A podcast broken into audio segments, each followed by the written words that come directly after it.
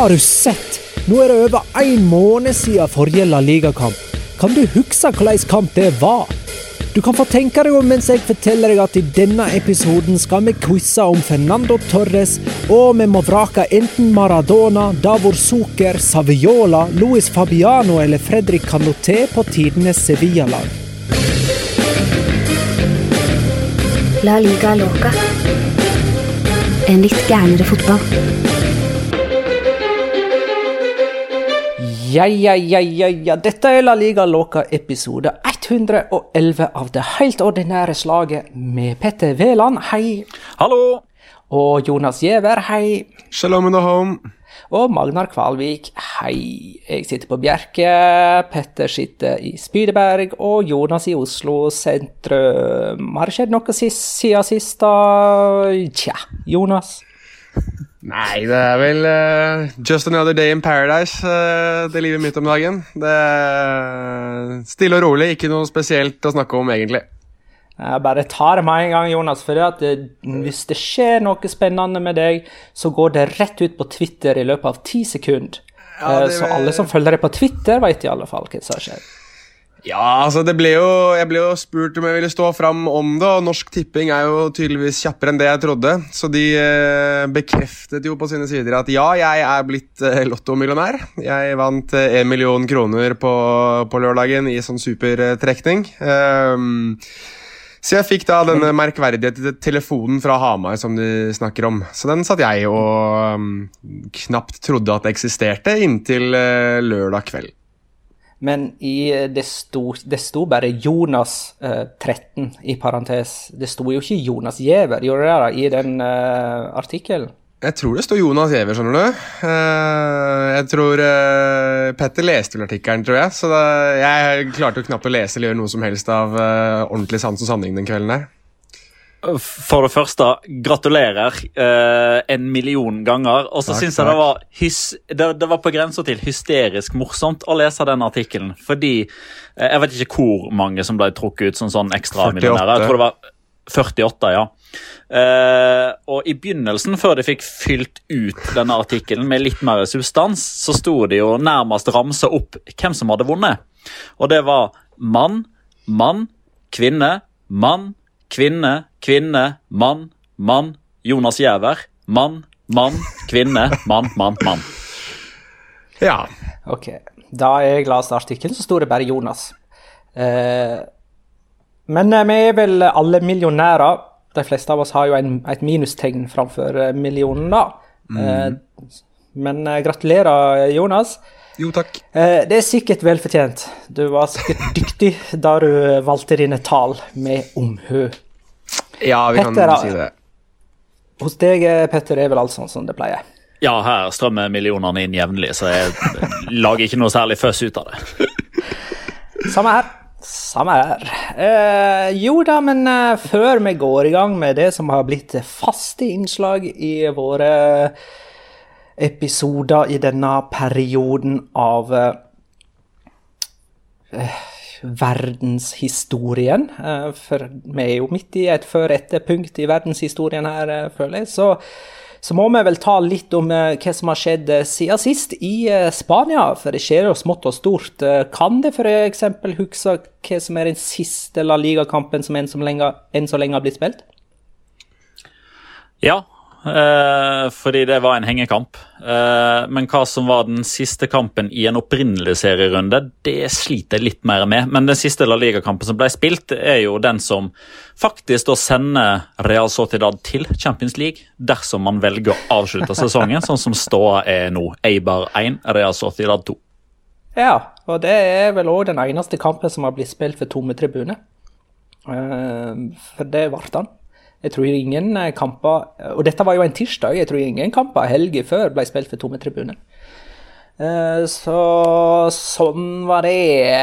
Eh, Real Sociedad hadde jo tenkt faktisk å starte fellestrening igjen denne veka her. Og det er jo visse positive tegn å spore i Spania nå, for nå spiller vi inn andre påskedag. Eh, og der er det deler av Spania der det faktisk ikke er høgtid, har jeg lært i dag. Jeg trodde det var høgtid 360 dager i året i Spania, men faktisk ikke andre påskedag. Og da er det mange som eh, ikke er i samfunnskritiske arbeidsstillinger, som faktisk har gått tilbake på jobb. Det er jo sånn 300 000 som er tilbake igjen i jobb nå etter å ha hatt sånn hjemmekontor da, uh, de siste ukene. Uh, så en viss positiv utvikling å spore, men får likevel Real Sociedad trene denne veka her? Nei, det gjør de ikke. Eh, og der har det jo vært eh, en stor diskusjon nå, faktisk, eh, som går på ordlyden i eh, det som da har vært myndighetenes eh, både anbefalinger og lover og regler. Fordi det man eh, strides litt om, da, er at Real Sociedad har lest det å ikke åpne sportsidrettsplasser for publikum har de tolka som om at ok, men de som jobber der til vanlig, og de som er der til vanlig, kan få lov til å komme der. Mens publikum, som i de som kommer for å se på, ikke har lov. Mens myndighetene mener at dette begrepet for publikum er for alle og enhver. Uh, og det har egentlig blitt ei litt sånn betent greie nå. Eh, det er ganske mange spanjoler som ikke lenger får sin eh, daglige munnmitraljøse i gang. som nå begynner å bli naturligvis lei av å sitte inne for seg sjøl uten å ha så veldig mange å snakke med. Så dette her er noe som har engasjert veldig mye, egentlig. For det er jo egentlig en bagatell i den store sammenhengen. men man, man begynner jo da å, å dra jeg, forskjellene på fotballspillere og andre som ikke kan ha hjemmekontor, at man ikke kan behandle de på samme måte. Eh, at eh, jeg, de som mener at Real Sociedad skulle fått lov til dette, her argumenterer jo med, med kall det riktige argumenter, med at hvem kan det skade at eh, tre og tre løper på en gressbane med ti meters avstand? Det er snakk om mange hektar eh, å, å bevege seg på. Eh, samtidig så har jo òg Fuenlabrada på nivå 2 kommet i søkelyset i dag, for de skulle jo gjennomføre tester. Covid-19-tester og eh, andre medisinske tester på sine spillere som var kalt inn for å komme til eh, klubbkontorene med 20 minutters intervall. Én og én, med masker, med hansker, for å ta denne testen. Men det ble oppfatta som organisert trening, og ble da eh, ikke tillatt av myndighetene. Nei. Uh, kan vi rulle litt videre på denne tråden da om f.eks. Eh, utsikten for en uh, gjenoppstart av La Liga? Hvordan uh, ser det ut? Og, og hva opererer man med? Jeg har jo forstått det sånn at man opererer med mulige oppstartsdatoer eller tidspunkt. Har, det må nesten Petter ta mer om, for jeg, jeg vet at det var snakket om, om mai, slutten av mai, og så skulle det være i begynnelsen av juni, men jeg vet liksom ikke helt hvordan de stiller seg til det. For nå har den plutselig stoppet opp uh, altså de har, fått, de har, fått, alle disse her myndighetenes uh, retningslinjer som kom vel i går, om hvordan de skal starte opp. Men det som var essensielt i det som sto der, var jo det at uh, når vi starter opp ikke, altså, Den datoen er ikke fastsatt, men når myndighetene tillater det, så skal de gjøre det på en spesiell måte. Uh, jeg satte meg ikke så veldig inn i det akkurat da, for jeg blir mer deppa enn noe annet av å lese om hvis og enn når. Så, men uh, jeg antar vel at de opererer med, med, samme datoer og samme opplegg som det uh, de aller fleste andre steder gjør. at mai-juni-ish en gang. Altså Det som står i disse dokumentene, er vel en sånn type sånn dag én, dag to, ja. dag tre, fordi man ikke kan uh, tidfeste det. Og det gjør man heller ikke rundt eh, La Liga. Man, man har jo i samarbeid med Uefa lagd ganske mange forskjellige terminlister som tar utgangspunkt i oppstart den datoen, den datoen, den datoen, den datoen osv. Men alt er per definisjon utsatt på ubestemt tid. Det har jo Uefa bestemt, eh, og da må de forskjellige nasjonale forbund eh, innrette seg deretter. Og da kom jo dette puslespill, eh, eller puslespillet trer jo inn da, med alle disse tusen bitene som må legges på, på riktig plass til riktig tid. Fordi man snakker jo om at disse nasjonale ligaene er viktigst. Uh, og det kan man for så vidt si seg enig i, men samtidig så snakker jo alle om at både Champions League og Europaliga òg skal fullføres. Så hvis, la oss si at per i teorien, da. La oss si at det er Sveits som er først ute. Der myndighetene i Sveits først gir grønt lys til at nå kan dere begynne å trene igjen. Om tre uker så kan dere begynne å spille fotball for tomme tribuner, og dere får avslutta ligaen.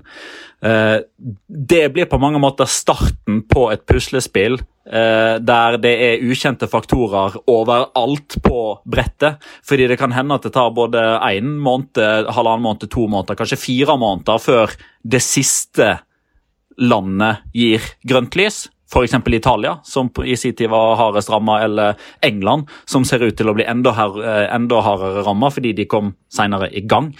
Eh, så det er jo et eh, vanvittig puslespill, dette her. Jeg tror jo at det som, det som, i hvert fall kommer til å skje, er jo at man har satt fram et forslag nå i Uefa, vel, i samarbeid med ECA, eller hva det er for noe, om at altså European Clubs Association om å prøve å få uh, Champions League og Europa League til å bli spilt som en sånn type verdens, altså VM-turneringsformat over to uker, der lagene skal samles, og de spiller vel da sikkert bare én kamp uh, as opposed til to kamper i det som er uh, gruppefinaler. da, altså Åttedelsfinale, kvartfinale, semifinale. Alt spilles over én kamp istedenfor to, slik man vanligvis gjør det. Og Hvis de skal da, de skal da anse at uh, 2019-2020-sesongen skal avsluttes med Champions League, så må jo da for å få plass til alt sammen, da, for å få plass til La Liga, Serie A, Bundesliga, Premier League osv., så, videre, så må de jo mest sannsynlig starte slutten av mai, starten av juni. Det er jo derfor veldig mange av, av ligaene, spesielt Bundesligaen og Premier League, kanskje som første eh, nasjoner, virkelig har gått inn for det å potensielt spille bak lukkede dører, eller eventuelt gjøre det som man da kommer til å gjøre med Champions League, at du har klubber som samler seg på visse steder i landet og spiller da masse kamper i løpet av si en toukersperiode, og så flytter disse klubbene til en annen del av landet der de skulle møte de andre lagene, og spiller de kampene der for å prøve å ha minst mulig interaksjon med andre mennesker også. Altså, det blir jo som en sånn, der, eh, det blir som en sånn skoleturnering, nesten. Eh, bare at de har flere av dem på flere ulike steder, og at det til syvende og sist er en sammenlagt eh, seier, mer enn at det er én seier, eller én seierherre, slik det er i, vanlig, i et vanlig mesterskap. Så det virker som klubbene egentlig har mer og mer lyst til å bare bli ferdig med dette nå. Uh, Vegard Nomerstad skriver til oss på Twitter. Kan vi få en bonuspodkast? Det er fullt kaos i Barcelona-ledelsen. De benekter korrupsjon. Uh, og nei, uh, vi lager ikke en bonuspodkast på det, men vi kan kanskje ta en liten oppdatering på det vi vet, eller det dere vet, for jeg vet egentlig veldig lite. Jeg har forstått det sånn at uh, det er seks styremedlemmer som har meddela at de går av, og det la seg i VG, faktisk, her om dagen. Så den som vil ha ordet, vær så god. Petter. ja, for å være helt ærlig, akkurat, akkurat det dritet der har jeg nedprioritert, for å være helt ærlig. Men, øh, og det har jeg jo faktisk ikke engang videreformidla på Twitter. Øh, så langt nede i, øh, i prioriteringslista mi har dette her vært.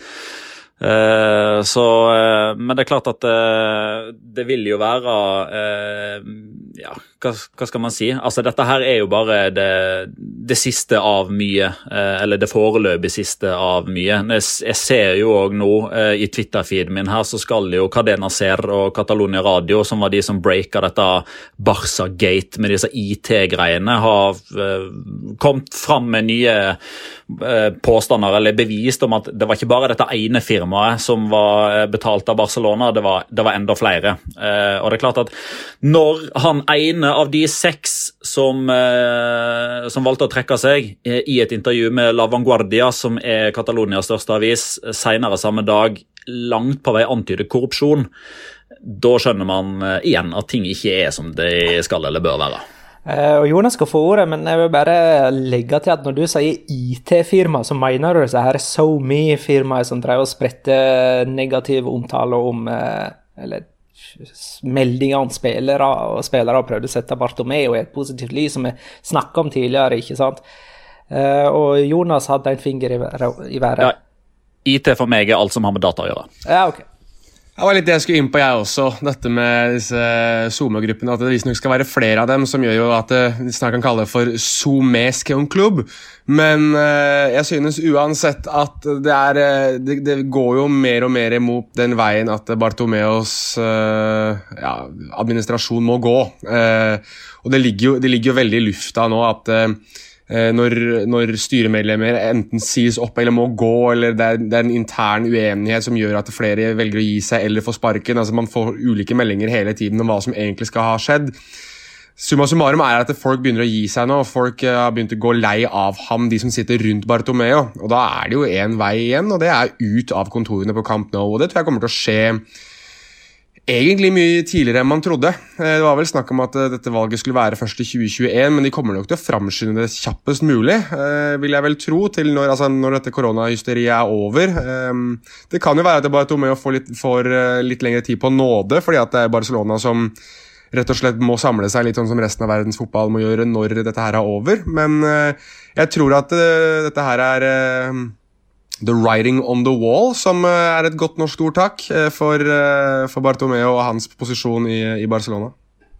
Skriften på veggen der. Fanden mm. på veggen. Uh, du vet, det fins mange norske uttrykk. Fanden på veggen funker ikke her, altså. For det er jeg god til å gjøre. Jeg er god til å male han på veggen en god del ganger. Så det, akkurat det begrepet der kan jeg godt. Men er ikke, er ikke det skriften på veggen da som er norsk? Liksom? Jeg tror, jeg, tror det, jeg tror det. Men det jo, vi kan jo ta at Kune kom hjem, Magnar. jeg tror vi gir oss der om siste nytt, liksom. Eh, for det at eh, det skjer faktisk ganske mye de timene etter at vi har spilt inn og før vi har fått publisert episoden. Men eh, Petter har en finger i været. Aldri en La Liga Loca-episode uten at La Liga og det spanske fotballforbundet har havna i tottene på hverandre og enten starta en rettssak eller trua med rettssak. Eh, veldig kjapt, da. De hadde jo et, en telefonkonferanse Eh, La Liga, det spanske fotballforbundet og eh, spillerorganisasjonen. altså i Norge da, så ville dette ha vært NFF, NISO og Norsk Toppfotball. Eh, de snakker sammen fortrolig. Det blir ikke gitt verken informasjon om eller tillatelse til at dette skal A. tas opp eller B. Eh, publiseres noe som helst sted. Men eh, det spanske fotballforbundet har jo det opptaket av disse samtalene og lekker det til media. Eh, til dels for å legge press, eh, til dels for å få fram sin versjon av det de har vært uenige om.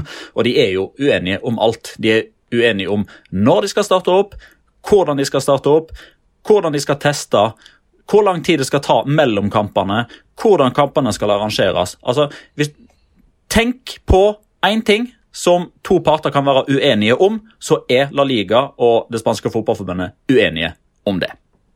Og der runder vi av siste nytt-delen av episoden. Er det, ikke, er det, ikke, noe spørsmål, er det ikke noe oppdatering om uh, Fjodor Smolov og dattera til Boris Jeltsin eller barnebarn? eller hva det Er for noe? Er det ikke noe nytt om det? det har vi ingenting der? Har vi ingen Celta Vigo-locora denne veka her? Jeg... Det er vel egentlig bare å si altså, Vi kan jo bare mimre om Emre Moore, f.eks. Så er jo den locora i seg selv eh, fra hans uh, tidsepoke der. Nei, jeg er ikke oppdatert på hvordan det gikk i bursdagsselskapet med Smålov og barnebarnet til Boris Jeltsin. Sikkert, uh, gikk sikkert fortrolig for seg. Sikkert. Vi går i gang med et quiz. Eh, der eh, dere da kan legge venstre hånd på hodet, eller ha venstre hånd rundt ei, eh, en ølboks som man holder opp til munnen, sånn som Jonas gjerne gjør. Uh, ja, jeg har pep Pepsi, det skal sies. Okay. Ikke ved drikking under sending. Jonas leder 3-1 i ja, hva heter denne quizen? Ultimate Quiz Championship Megasuperduper. Og det har altså gått Vi har hatt fire quizer. Nei, tre. Med om eh, Ronaldo, Ronaldinho og Zinedine Zidane. Eh, og nå altså Fernando Torres. Eh, det var Jonas som starta sist, dermed starta Petter i dag. Og sier det handler om Torres. Kan du nevne de europeiske klubbene Torres spilte for? Det bør jeg også definitivt. Nå snakker vi om eh, på A-nivå, ikke ungdomsklubber. Ja, Vi snakker bare om seniorspilleren eh, Fernando Torres i denne quizen. Ja. Han spilte for uh, Atletico Madrid, og så gikk han til Liverpool. Og så var det jo dette hysteriske overgangsvinduet der han gikk til Chelsea. Eh, og så var han en tur i Milano, en tur hos AC, og så tilbake til Atletico Madrid. Det er de europeiske. AC Milan der, altså. Det er riktig. Eh, han avslutta karrieren i Japan for Sagan Toso og la opp i 2019. Jonas, hvor gammel var Torres da han fikk kapteinsbindet i Atletico Madrid? Uh, oh gud, hvor gammel var han da? Uh, han var tenåring, vel? Men var han 18 eller var han 19? Uh, ble han ikke kaptein det året de rykket opp, da? Da de spilte i uh, Segunda? Jeg sier 19, jeg. Jeg tror han var 19 år gammel da han fikk kapteinspinnet. Det er riktig, Jonas. Det var ikke det året han spilte i uh, Eller det var ikke opprykkssesongen, men 03-04. Da var det i Premier. ah, okay.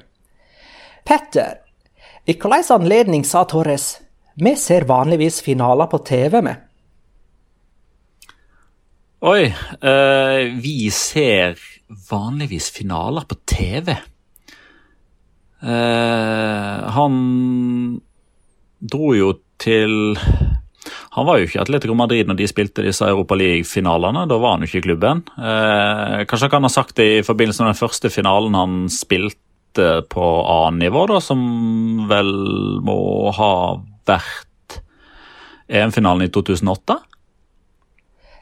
Riktig, Petter. Han sa det etter EM-finalen. Det fulle sitatet er Vi ser vanligvis finaler på TV, men nå var vi her sjøl og vant. Eh, og han ble jo matchvinner i den finalen mot Tyskland og sikra Spadias første trofé siden 1964, altså etter 44 år. Eh, og dette skulle altså bli den første av tre strake mesterskapsfinaler Torres ikke fikk se på TV, men spilte og vant med Spania. Jonas, hvem vant Torres sitt første klubbtrofé med? Og her gjelder det ikke Segunda divisjon, dersom du skulle lure på det. Var ikke det den store greia mot Fernando Torres? At han aldri vant noe på klubbnivå? Han vant vel aldri med Hvis ikke den, den Segunda divisjon-tittelen teller, så er det vel ikke Atletico Madrid. Med Liverpool Rafael Benitez vant Champions League i 2005. Fernando Torres kommer i 2007, vel? 07-08 var det hans første sesong, for da kjøpte Liverpool kjøpte Torres, United kjøpte Carlos Tevez. Jeg sier at han vant sitt første klubbtrofé, for han vant jo flere med Chelsea. Eh, men jeg lurer på om han måtte vente helt til han spilte i Chelsea før han faktisk vant noe med klubben. Han vant vel noe sånn jeg tror han ble toppskårer et år. sånn, Men jeg sier Chelsea. Jeg sier Chelsea er første klubben han vant et klubbtrofé med. Riktig, Jonas. Han vant ingenting i sin første periode som Atletico-spiller, og han vant ingenting som Liverpool-spiller heller. Eh, hans første klubbtrofé kom altså med Chelsea i 2012, da de vant både FA-cup og Champions League. Han var altså både europa- og verdensmester med Spania før han vant så mye som en nasjonal cup med en klubb. Petter. Da Fernando Torres gikk fra Atletico til Liverpool sommeren 2007, brukte Atletico pengene til å kjøpe spillere i øst og vest. Blant storkjøp eh, kan vi nevne Tiago Motta fra Barcelona, Luis Garcia, som gikk motsatt vei fra Liverpool, Kleber Santana fra Santos, José Antonio Reyes fra Arsenal, Raúl Garcia fra Osasona og Simao fra Benfica. Hvilke storkjøp mangler jeg her nå? Du mangler storkjøp. Mm. Uh, ja, men Var ikke den som gikk mot, sånn delvis motsatt vei der, da? Maxi Rodriguez? Jeg nevnte Luis Garcia, som gikk motsatt vei. Du gjorde vel eh, Florence Cinema Pongol også, men det er jo ikke det han du mener? Ja, det regnes ikke som ja, ikke, det, ikke Antoni Talek heller. Uh, altså, et storkjøp som kom i 2007 Uh, er det for tidlig for at det er Diego Forlan? Spør du nå, eller? Stille spørsmålet til Nei, eh, det er et retorisk spørsmål, for jeg oss svare meg sjøl. Jeg tenker høyt her. 2007 Diego Forlan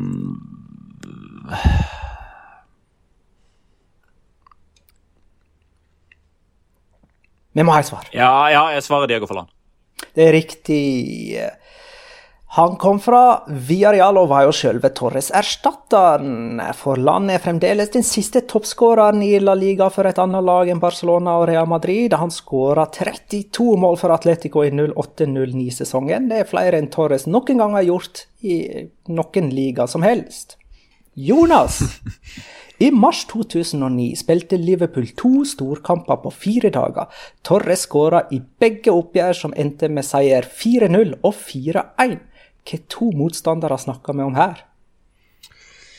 Da snakker vi først om uh, seier i Champions League mot, uh, på Anfield mot Real Madrid.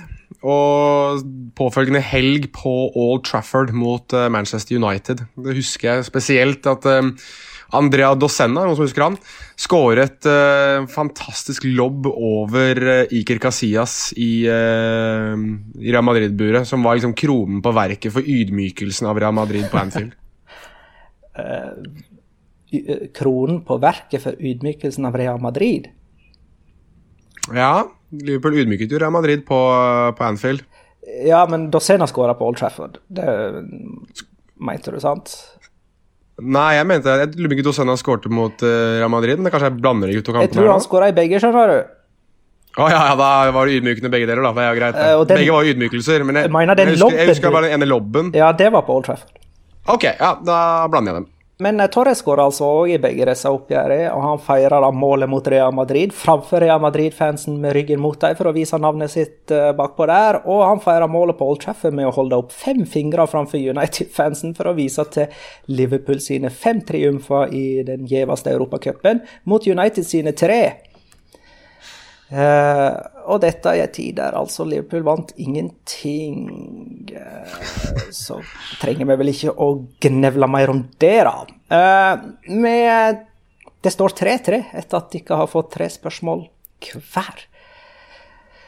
Og vi skal sette sammen tidenes Sevilla-lag før vi går videre i eh, quizen. Eh, og det er jo alle, sånn i alle våre tidenes lagsammensetninger at eh, det gjelder for vår egen levetid. Det er vårt tidenes lag. Og så definerer vi da den moderne fotballens oppstart som 1992. F.eks. pga. tilbakespillsregelen som kom da og endra spillet fotball, i tillegg til at turneringa fikk nye merkenavn. Serievinnercupen ble jo til Champions League f.eks. den sommeren der, og enorm økonomisk ekspansjon skulle jo prege hele fotballverdenen de kommende årene. Derfor tidenes Sevilla-lag fra og med sommeren 1992. Vi kan med andre ord stryke Ivan Samorano og Tony Polster fra dette tidenes laget, siden de forlot Sevilla rett før moderne tid starta.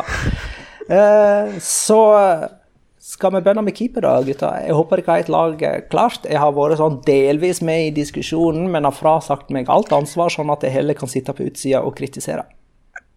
Ja, det er jo din rolle, og den skal du få lov til å ha, men det er jo verdt å påpeke her at dette her er jo i, i så måte ditt lag. Vi ble jo enige om at vi skulle gå uh, ukentvis med Sevilla, Villarreal og Valencia, og Sevilla er jo, det, er jo du som representerer her, så vi håper jo at du kommer med dine darlings her som vi eventuelt kan drepe eller uh, eller uh, beholde. Ja, eller rom for sterkere kritikk i akkurat denne lagsammensetningen da, enn de øvrige. Det skal du få lov til uh, å ha. Men vi, vi, kan i hvert fall si at uh, siden, siden, Sevilla uh, på veldig mange måter hadde sin storhetstid, i hvert fall under min levetid, med 4-2-3-1-formasjonen, så er det vel kanskje bare på sin plass at de spiller det på drømmelaget også, vel?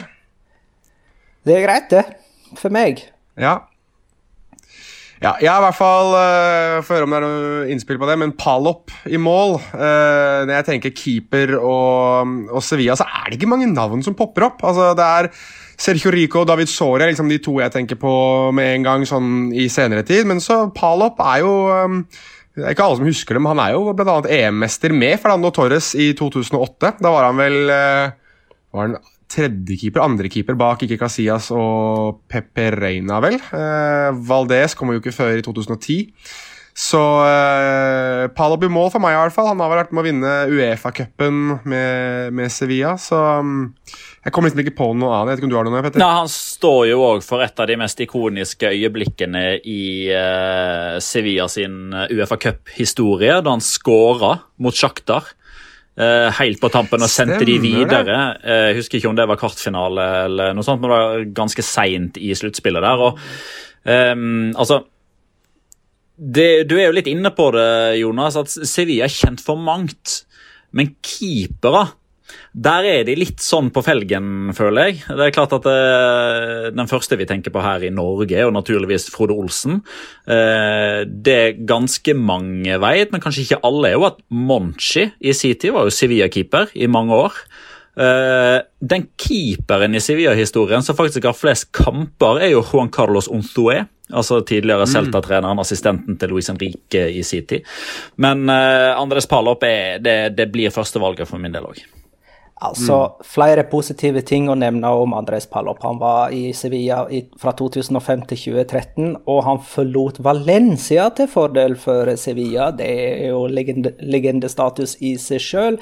Og så vant han altså to Uefa-cuper på rad. Han var med på flere Copa del Rey-triumfer, og han sto på det Sevilla-laget som var veldig nær å vinne ligatittelen i 06-07. Og så fikk han vel ei whiskyflaske i huet. gjorde han det? Var ikke han òg involvert i noe annet? det? Var to kamper mellom Sevilla og Betis var stoppa. Den ene var det Juan de Ramos som fikk et eller annet på seg. Jeg lurer på om Palopo fikk et eller annet uh, som gjorde at en kamp ble stoppa. Vi går til høyre back. Der tenker jeg det kan ikke være mye tvil.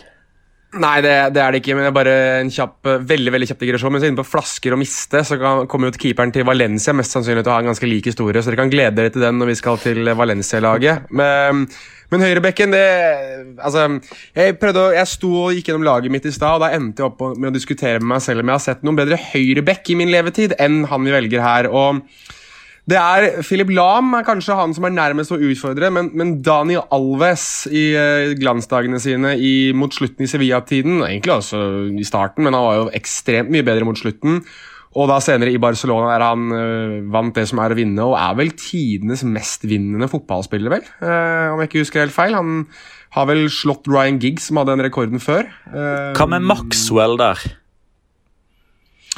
Maxwell tror jeg er ganske nær ved å ha ganske mye mange trofeer, han også. Men jeg tror han er ganske langt bak. Men husk at for eksempel, Ryan Giggs vant jo 13 seriegull. Uh, men jeg tror Alves faktisk slår han på det å ha vunnet seriegull overalt. Altså Alves med Barcelona, med, med, PSG, med Juventus. Eh, han har vunnet Copa America, han har, vunnet, han har vært med å vinne Uefa Cup med Sevilla. Så altså, dette her er eh, en, en medaljegrossist, en pokalkonge uten like. Så han må, han må, inn på det laget her. På den andre linja på Daniel Alves sin, sin Wikipedia-side står det He is the most decorated player in the history of football with over 40 ja. trophies. Mm, der har du det. Der har du det. Så da er det jo åpenbart at han må inn på det laget her. og Han fikk jo sin ordentlige, sitt ordentlige gjennombrudd i Sevilla, og han var jo en litt sånn han kommer fra Bahia, eller noe sånt, tror jeg, hvis jeg husker helt feil. og Det var liksom ikke sånn kjempefanfare rundt ham vel som unggutt heller. Så han, han, er jo en arbeidshest. da, og Nå spiller han som nummer ti, altså tierrollen, i, eh, i Sao Paulo. Så også en eh, slags renessansemann, kan vi kalle han. Han var i Sevilla fra 2002 til 2008, så det er jo en ganske bra periode. Og ellers så vil folk som husker Maikon og Kafu sikkert diskutere med deg om den høyre Stabæk-statusen i din levetid, Jonas. Skal vi bare mm. gå mhm. videre til midtstoppere, eller? Det kan vi gjøre. Jeg vet ikke helt om vi ble enige der. Uh, men, men, la meg bare få komme med den uh, som, som, jeg hadde tatt ut da, som, som, min første. Det er faktisk Javi Navarro. Uh, og det er av flere årsaker. Uh, altså til nå så har vi jo valgt eh, spillere som eh, åpenbart har betydd mye for, eh, for, klubben sin, og for Alves sin del så, så ble han enda bedre etterpå. jeg mener Javi Navarro hadde sin definitive prime i Sevilla. Han var lengst i Sevilla i, i sin karriere. han har òg hatt en viss betydning for klubben etterpå, fordi han, han var jo assistenttrener en periode under Antonio Alvarez. Og så ser han jo så damn good ut òg. Vi må ha en eh, Don Juan på dette laget her, så det blir Javi Navarro. Jeg hadde også Javi Navarro på mitt lag. Ja, ja, men da er vel han inne, da. Det er greit, det. Uh, da merker jeg at uh, Fasio virker å være vraka. Ja, kanskje. Det spørs litt da, om han gjør litt om på, gjør litt om på dette. Fordi altså, han Jeg prøver å tenke igjen av midtstopper. Uh, Sevilla, da er liksom Javi Navarro er én. Så tenker jeg Jeg vet ikke med dere, men altså, Ivica Dragotinovic tenker ja, jeg, uh, mener jeg burde okay. være nevnt her, i det minste. Hvem er den andre midtstopperen?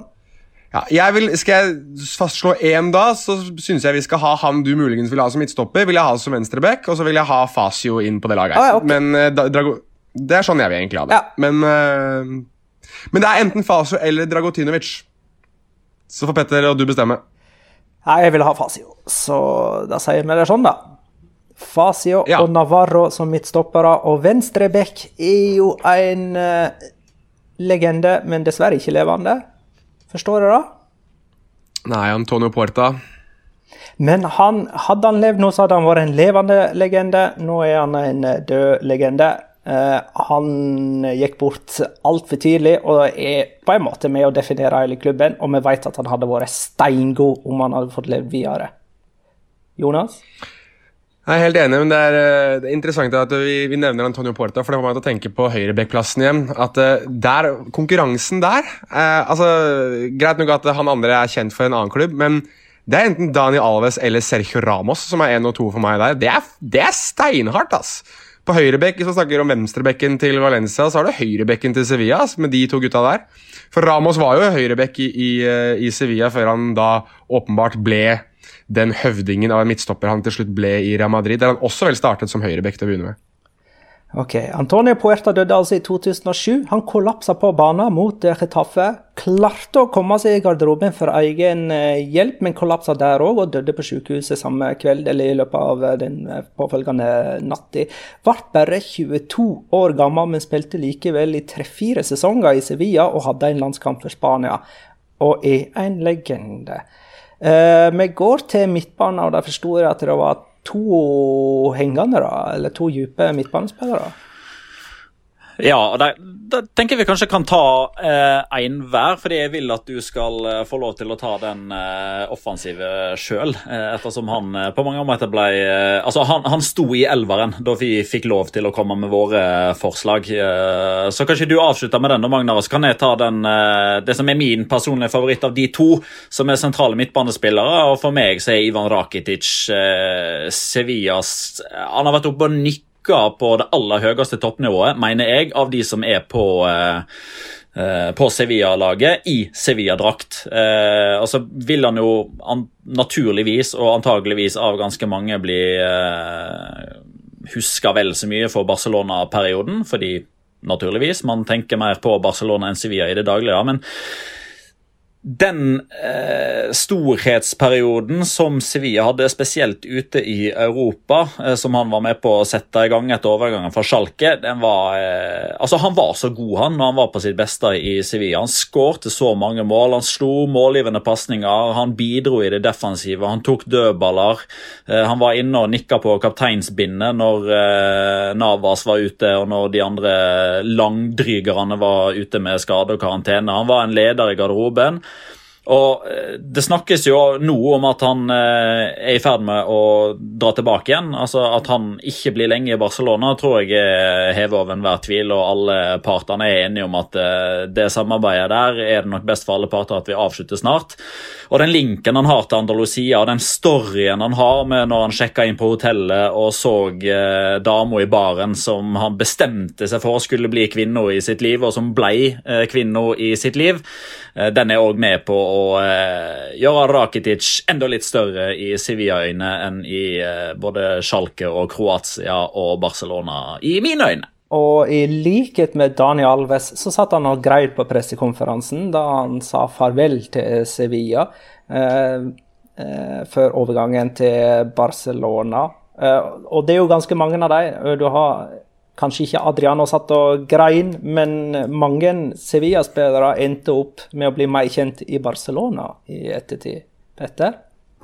Bare kjapt skyte inn at eh, da Ivan Rakitic eh, satt og grein på avskjedspressekonferansen, da den videosnutten som Sevilla hadde laga til han, eh, hashtag snikskryt, jeg var på den eh, avskjedsvideoen. Eh, Stoppa man på riktig tidspunkt, så kunne man se Unge Veland på eh, Juventus sin hjemmebane i seiersrusen til Sevilla da de slo Benfica i finalen der.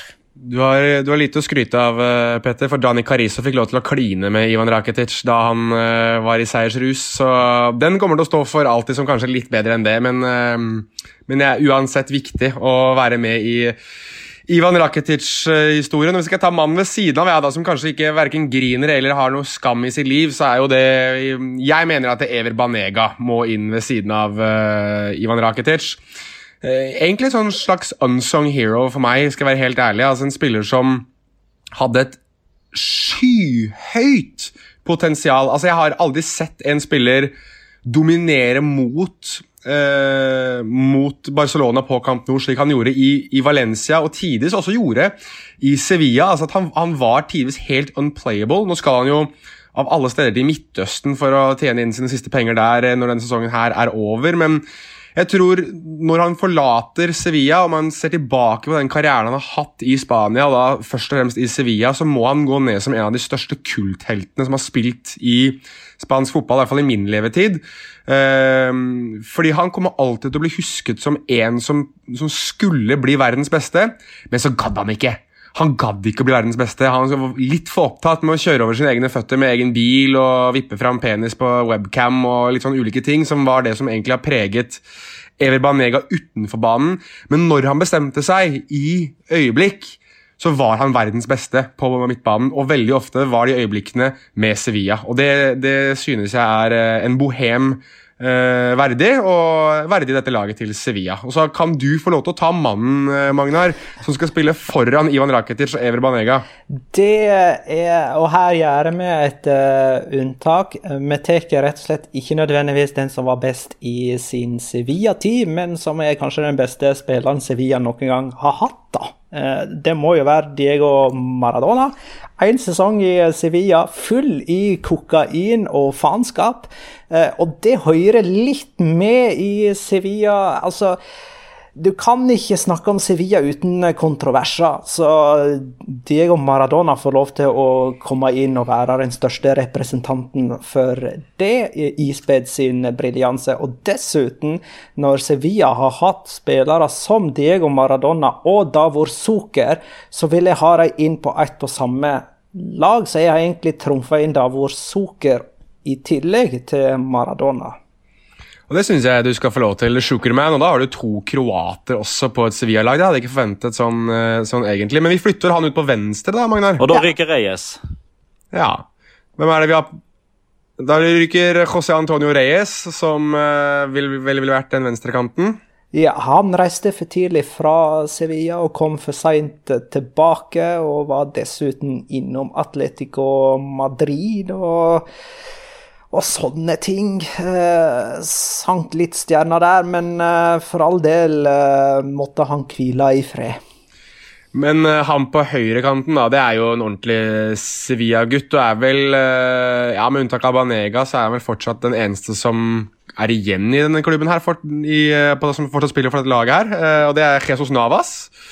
og der er det jo Altså Jesus Navas hadde kanskje hatt en større karriere i en annen storklubb hvis det ikke hadde vært for denne her hjemmelengselen sin. da. For jo, Den var jo det som preget han i, i veldig veldig mange år. det at uh, Han hadde kronisk hjemmelengsel. altså Hvis han var for lenge borte fra Andalusia, fra Sevilla, så, så fikk han angst. og um, det, Jeg synes jo det er litt sånn på en måte litt sånn romantisk. da, At han ikke klarer å forlate klubben sin nesten uansett hvor god han ble. Eh, og så Da han endelig bestemte seg for å prøve seg i en annen klubb, da han hadde overvunnet litt den frykten, så var det i Manchester City, der han var med å vinne Premier League og fikk eh, smaken på det litt søtere liv. Jeg vet ikke hvor mye søtt liv er i Manchester, men i hvert fall han vant, eh, han vant i hvert fall noen trofeer der, og så dro han tilbake til til Sevilla, der han ja, har fortsatt sin legendestatus og spiller med Antonio Portas drakt nummer 16. Eh, Sånn er det når du har vært i eh, Sevilla. Enten reiser du derifra med angst og bare må tilbake, eller så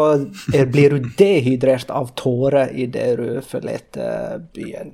Eh, da er vi kommet til spiss, og der er det kanskje en del å velge i. Ja, den er, den er, vrien. Det er den mest vriene posisjonen, for det er så mange man kan velge mellom. Men Saviola var ikke der lenge nok. Nei, Saviola, og jeg tror rett og slett at det er, det er så mange andre om det beinet der at det Altså, Fredrik Canoté, Carlos Bacca, Kevin Gameiro Neg eh, Negredo Fabiano Negredo Altså Den Yedder.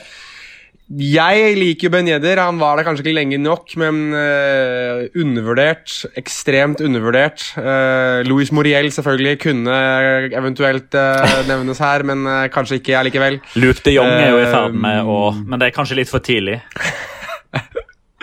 kanskje litt for tidlig med Luke de Jong. Ja, like him.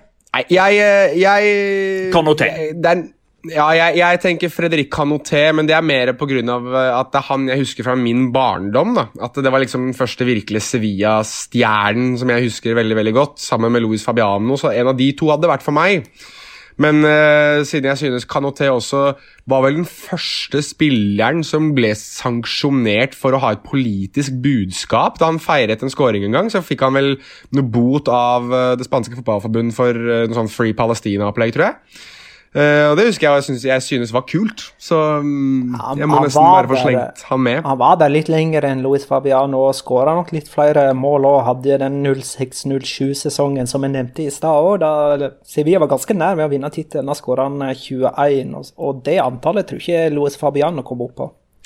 Nei, altså var det betydningen av skåringene hans eh, i den sesongen, men andre òg. Han skåra både hjemme og borte mot Tottenham. Eh, han skåra jo i finalen i ekstraomgangene mot eh, Español, og kort tid etterpå så ble han jo òg matchvinner i Copa del Rey-finalen mot Retafe.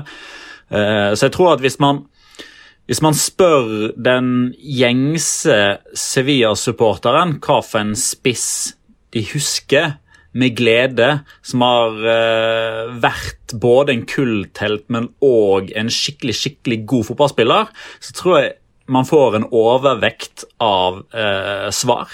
Fredrik Kanoté. Han ble jo også kåret vel til eh, African Footballer of the Year i 2007, da han fortsatt var i Sevilla. så han det, og det er jo trofé som siden har blitt vunnet av Mohammed Salah og Sadio Mané bl.a. Pierre-Emerick Aubameyang har vel vunnet det en gang, så det er jo jeg tror kanskje man glemmer litt hvor god Kanoté egentlig var. Uh, så jeg synes uh, det ikke er noe feil overhodet å ha ham på det laget her. Jeg vet ikke hva du tenker, Magnar, det er ditt lag, det her? eh, mange har nok glemt hvor god Kanoté var pga. det han leverte i Westham og ikke minst Tottenham. men han ble jo skikkelig god i Sevilla, så jeg står helt bak den avgjørelsen. Og da har vi en elver. En tidenes Sevilla-elver, i alle fall fra 92. Så må vi kanskje slenge på at det er Ona Emiri da, som er treneren for laget her, kanskje? Eh, der ville jeg gått for Juan de Ramos, men eh, Ja, da går vi for Juan de Ramos. Så, ja, jeg tror vi sier han eh, der, altså. Før han gikk til Tottenham og òg ble en fiasko der, da. Mm.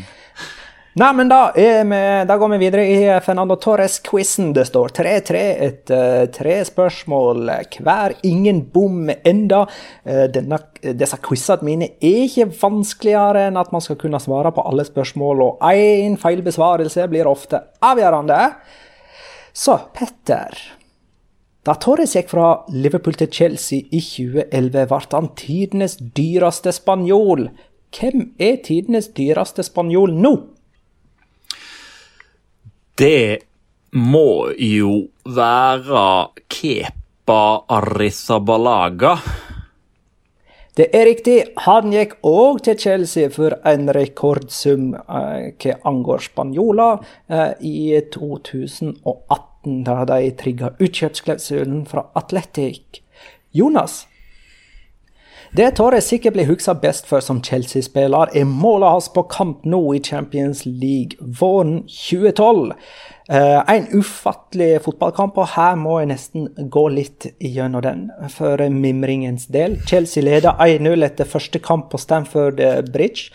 Og da de altså skulle forsvare den ledelsen på kamp nå, så måtte Cahill tidlig ut med skade. John Terry ble ganske tidlig utvist. De mista altså begge stopperne sine før pause.